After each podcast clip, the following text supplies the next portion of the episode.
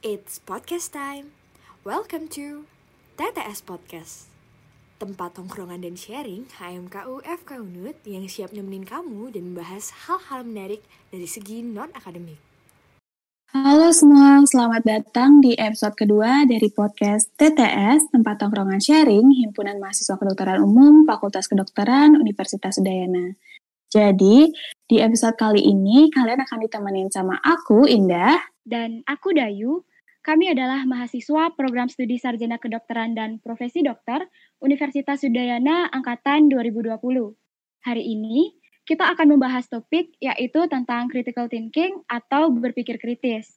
Tapi sebelum itu, kami ingin mengucapkan terima kasih kepada acara mahasiswa sebagai media partner resmi dari podcast TTS episode kali ini. Nah, di topik kedua ini kita akan bahas tiga subtopik. Yang pertama itu ada konsep berpikir kritis, lalu ada peran dari berpikir kritis dalam kehidupan mahasiswa yang pastinya akan bermanfaat untuk kita para mahasiswa. Dan yang terakhir itu yang berkaitan dengan kondisi sekarang ini, yaitu pentingnya berpikir kritis di masa pandemi. Oh ya, di episode kali ini kita berdua akan ditemani oleh narasumber yang akan menjelaskan mengenai hal-hal tentang berpikir kritis. Ayo, siapa nih kira-kira narasumbernya? Nah, nanti kali ini adalah Kak Basra. Halo Kak Basra. Halo, selamat malam. Weh, selamat pagi, siang, malam, tergantung yang denger jam berapa ya. ya kak. Sebelumnya kenalin aku Indah dan partner aku. Halo Kak Basra, kenalin aku Dayu. Halo Indah Dayu. Kak, gimana Kak kabarnya Kak sekarang? Alhamdulillah baik, sehat, mantap, luar biasa. gitu lengkap ya. tetap jaga kesehatan ya Kak di sana dan untuk teman-teman iya. di rumah juga tetap jaga kesehatan, ikuti protokol kesehatan. Oh ya kak, di kondisi saat ini, di kondisi yang lagi ppkm ini, kakak lagi ada kesibukan apa nih kak? Sibuk biasa koas, koas sambil bantu-bantu di penanganan COVID, terutama di urusan komunikasi dan pelibatan masyarakat ya. Widih, keren banget. Kakaknya produktif banget. Kamu gimana, Dai? Kamu produktif nggak? Wah, aku juga gini-gini aja, Ninda. Kita kan lagi suasana libur semester ya kali ini. Jadi ya aku ngisi dengan ikut kepanitiaan atau ya baca-baca buku sembari uh, ngisi libur semester nih dah. Oh, kalau aku sih aku berusaha produktif ya di libur ini. Tapi ya tiap hari naik turun naik turun gitu produktivitasnya. Mungkin nanti kita bisa tanya tips-tips produktif ke Kak Basra. Tapi itu pribadi deh ntar di ending session gitu ya. Iya iya iya. Oke Kak, jadi kita mulai aja ya untuk topik yang pertama itu tentang konsep dari berpikir kritis itu sendiri. Jadi Kak, kan kita ini uh, sebagai manusia pasti punya rasa malas ya Kak. Uh, entah itu setiap hari atau kadang-kadang pasti ada rasa malas. Malas untuk gerak atau orang-orang bi bilangnya kan itu mager. Mager buat buat tugas, mager buat gerak, buat mager buat ngambil ini, ngambil itu. Bahkan ada yang mager buat mikir.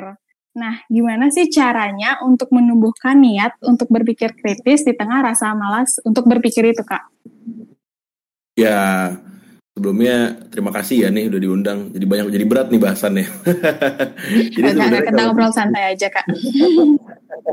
iya, sebenarnya teman-teman kalau dibilang kan generasi sekarang generasi mager, ada yang bilang generasi rebahan ya, kerjanya tiduran gitu. Sebenarnya itu uh, stigma yang memang uh, relevan bahwa teman-teman memang generasi zaman sekarang ini generasi yang serba praktis, serba digital, yang tadinya harus beli makan, harus keluar, sekarang bisa pakai pakai aplikasi-aplikasi tertentu, ya kan? Itu udah menstigma ini adalah generasi yang serba praktis. Dan juga memang akhirnya membentuk pikiran-pikiran kita yang lebih pragmatis. Pragmatis tuh simpel banget gitu. Mau cari pokoknya ada manfaatnya nggak buat gue gitu ya. Ini mudah nggak? Gitu. Sesimpel itu. Nah tapi sebenarnya teman-teman kalau bicara masalah bagaimana membangun uh, pikiran yang kritis sebenarnya balik lagi ke ketertarikan teman-teman gitu jadi jangan berusaha berpikir kritis pada suatu hal yang teman-teman nggak tertarik itu itu jadi nanti jadi ngada-ngada gitu itu jadi nanti jadi maksain teman-teman tahu lah ya namanya juga cinta kalau cinta dipaksain juga kan nggak bakal mulus gitu. Jadi yang paling penting adalah uh, jujur sama diri sendiri, punya ketertarikan di mana dan di situlah teman-teman mendalami itu dengan nanti kita bahas gimana caranya uh, berpikir kritis. Ada metodologi-metodologi yang bisa kita bangun nih, gitu. Wah, bermanfaat banget nih jawabannya Kak Basra. Untuk mengatasi rasa malas kita, emang sesuatu tuh harus dimulai dari ketertarikan, ya nggak, Day? Oh, kan jatuh cinta dari mata ya, turun ke hati. Iya, bener banget Kak. Semua berawal dari mata. nah, bener banget tuh yang tadi dijelasin Kak Basra. Ya, kita ini bisa dibilang generasi yang serba praktis nih ya, karena kecanggihan teknologi ya jadinya kita apa-apa jadi dibantu teknologi ya jadinya serba praktis tapi untuk teman-teman di rumah kalau ada yang ngerasa cocok dengan cara yang dijelaskan Kak Basra tadi mungkin bisa diterapkan ya caranya Kak Basra untuk mengusir rasa malas dalam berpikir kritis benar nih terutama benar nih. untuk kaum kaum mageran seperti aku contohnya Iya, saya juga, saya juga. Gak bisa bohong kak, nggak bisa bohong kak. Tapi benar teman-teman, jadi sebenarnya yang bedain uh, manusia dan teknologi yang dibuat manusia adalah teknologi yang dibuat manusia itu bisa berpikir secara teknis. Nah, manusia itu bisa berpikir secara kritis. Bedanya di mana? Bedanya adalah kalau teknologi yang dibuat manusia itu hanya bisa menjalankan perintah yang sudah dipetakan atau sudah dibentuk A, B, C, D, E gitu kan. Pesan A keluar, pesan B, pesan C gitu kan. Sedangkan manusia justru bisa membuat perintah-perintah teknis lainnya. Jadi kalau ditanya sebenarnya gimana caranya teman-teman buat bisa develop dari berpikir kritis ya tadi gitu loh. Berangkat dari ketertarikannya apa gitu. Karena kalau nggak tertarik susah mendevelop sesuatu yang nggak kita tertarik. Sama halnya kayak hubungan tadi ya gitu kan. Susah membangun hubungan pada orang yang kita aja nggak tertarik gitu kan. Bener kak. Kita nggak boleh memaksakan sesuatu. Ya apalagi cinta ya. Eh nyambungnya ke cinta ya. Nggak apa-apa biar biar uh, teman-teman juga bisa relate gitu ya sama karena udah zaman sekarang galau ya. Iya bener. Pacaran pacaran LDR pasti kan. Ayo siapa sih ini LDR mungkin bisa konsul kakaknya tentang LDR beda topik ya? Oh iya beda topiknya kita harusnya bahasnya berpikir kritis malah jadi LDR ya? Iya berpikir kritis dalam membangun hubungan. Oke. Oke deh kak Tadi kan udah diberikan tips cara menumbuhkan niat. Nah, setelah menumbuhkan niat, tentu saja kemampuan kita harus diasah dong.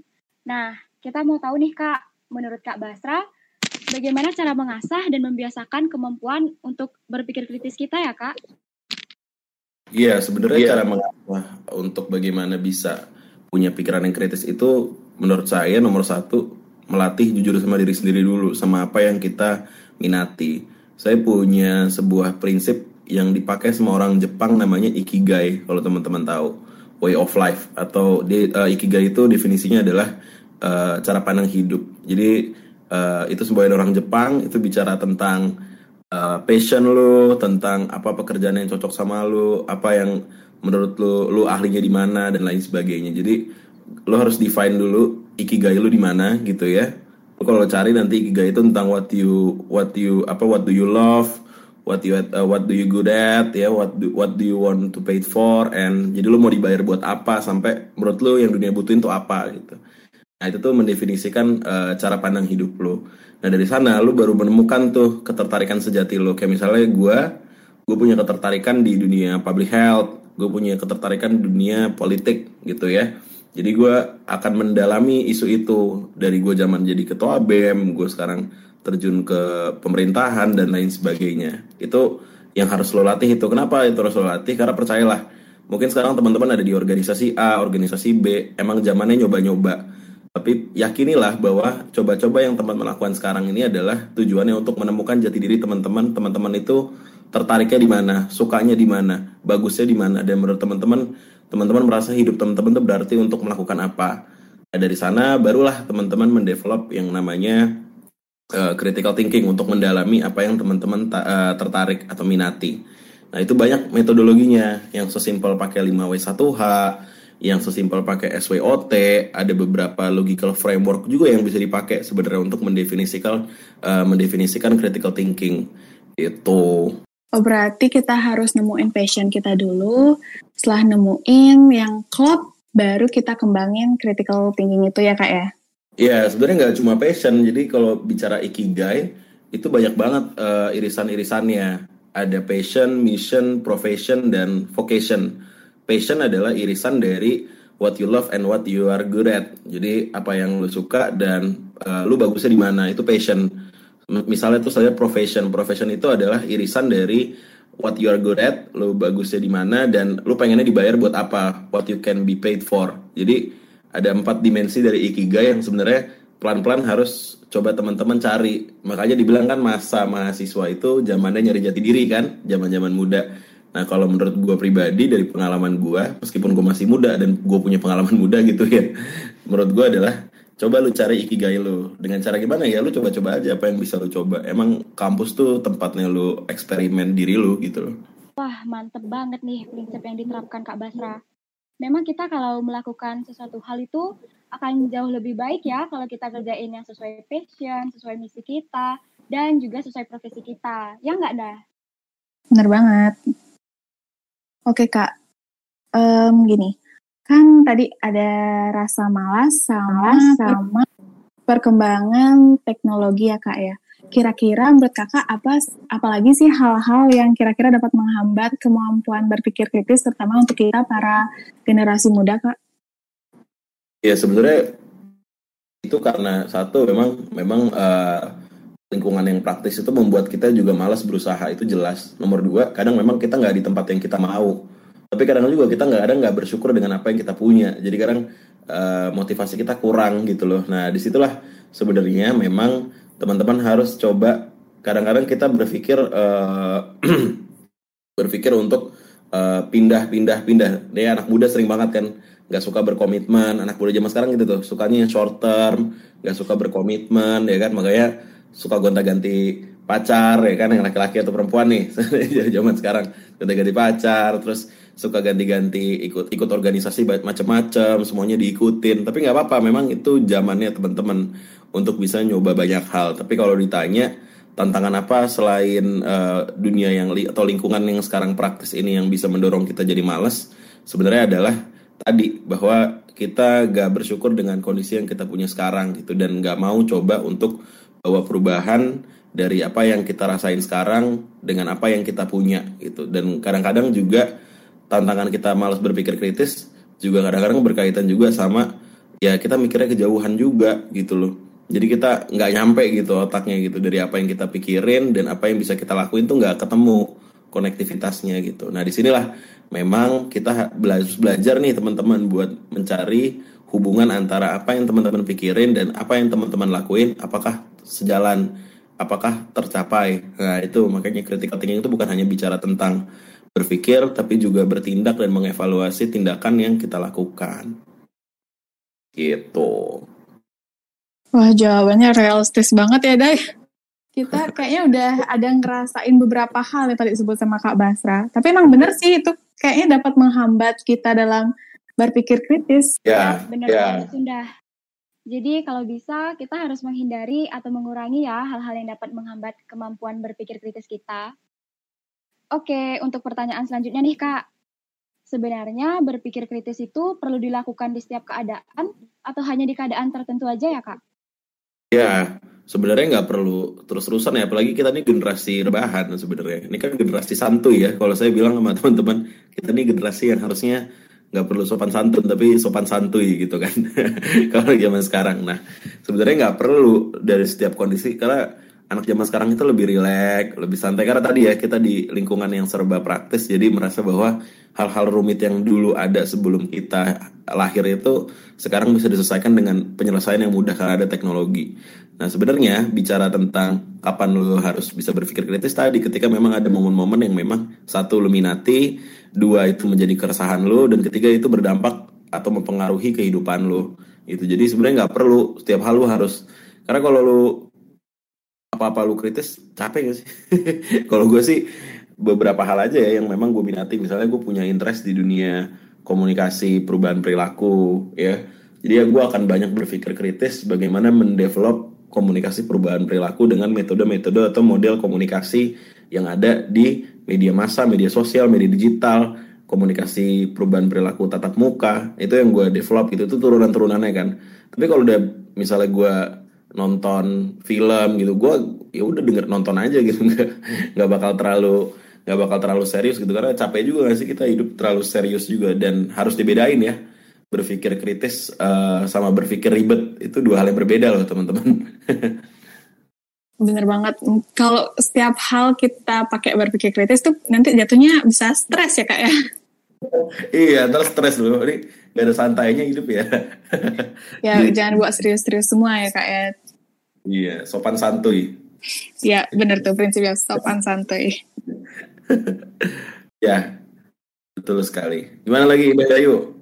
Uh, mungkin dari pertanyaan itu udah kita masuk ke question box. Uh, kita bisa masuk ke question box dulu ya kak ya.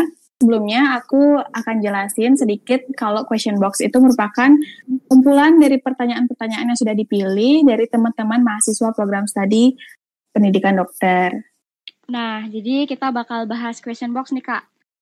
Untuk penanya pertama nih kak ya, kebiasaan untuk mengikuti norma atau aturan yang ada sudah diajarkan ke kita semua sedari kecil, dan ketika dewasa, pastinya banyak buah-buah pikiran baru yang sedikit banyak bertentangan dengan aturan yang dulu berlaku.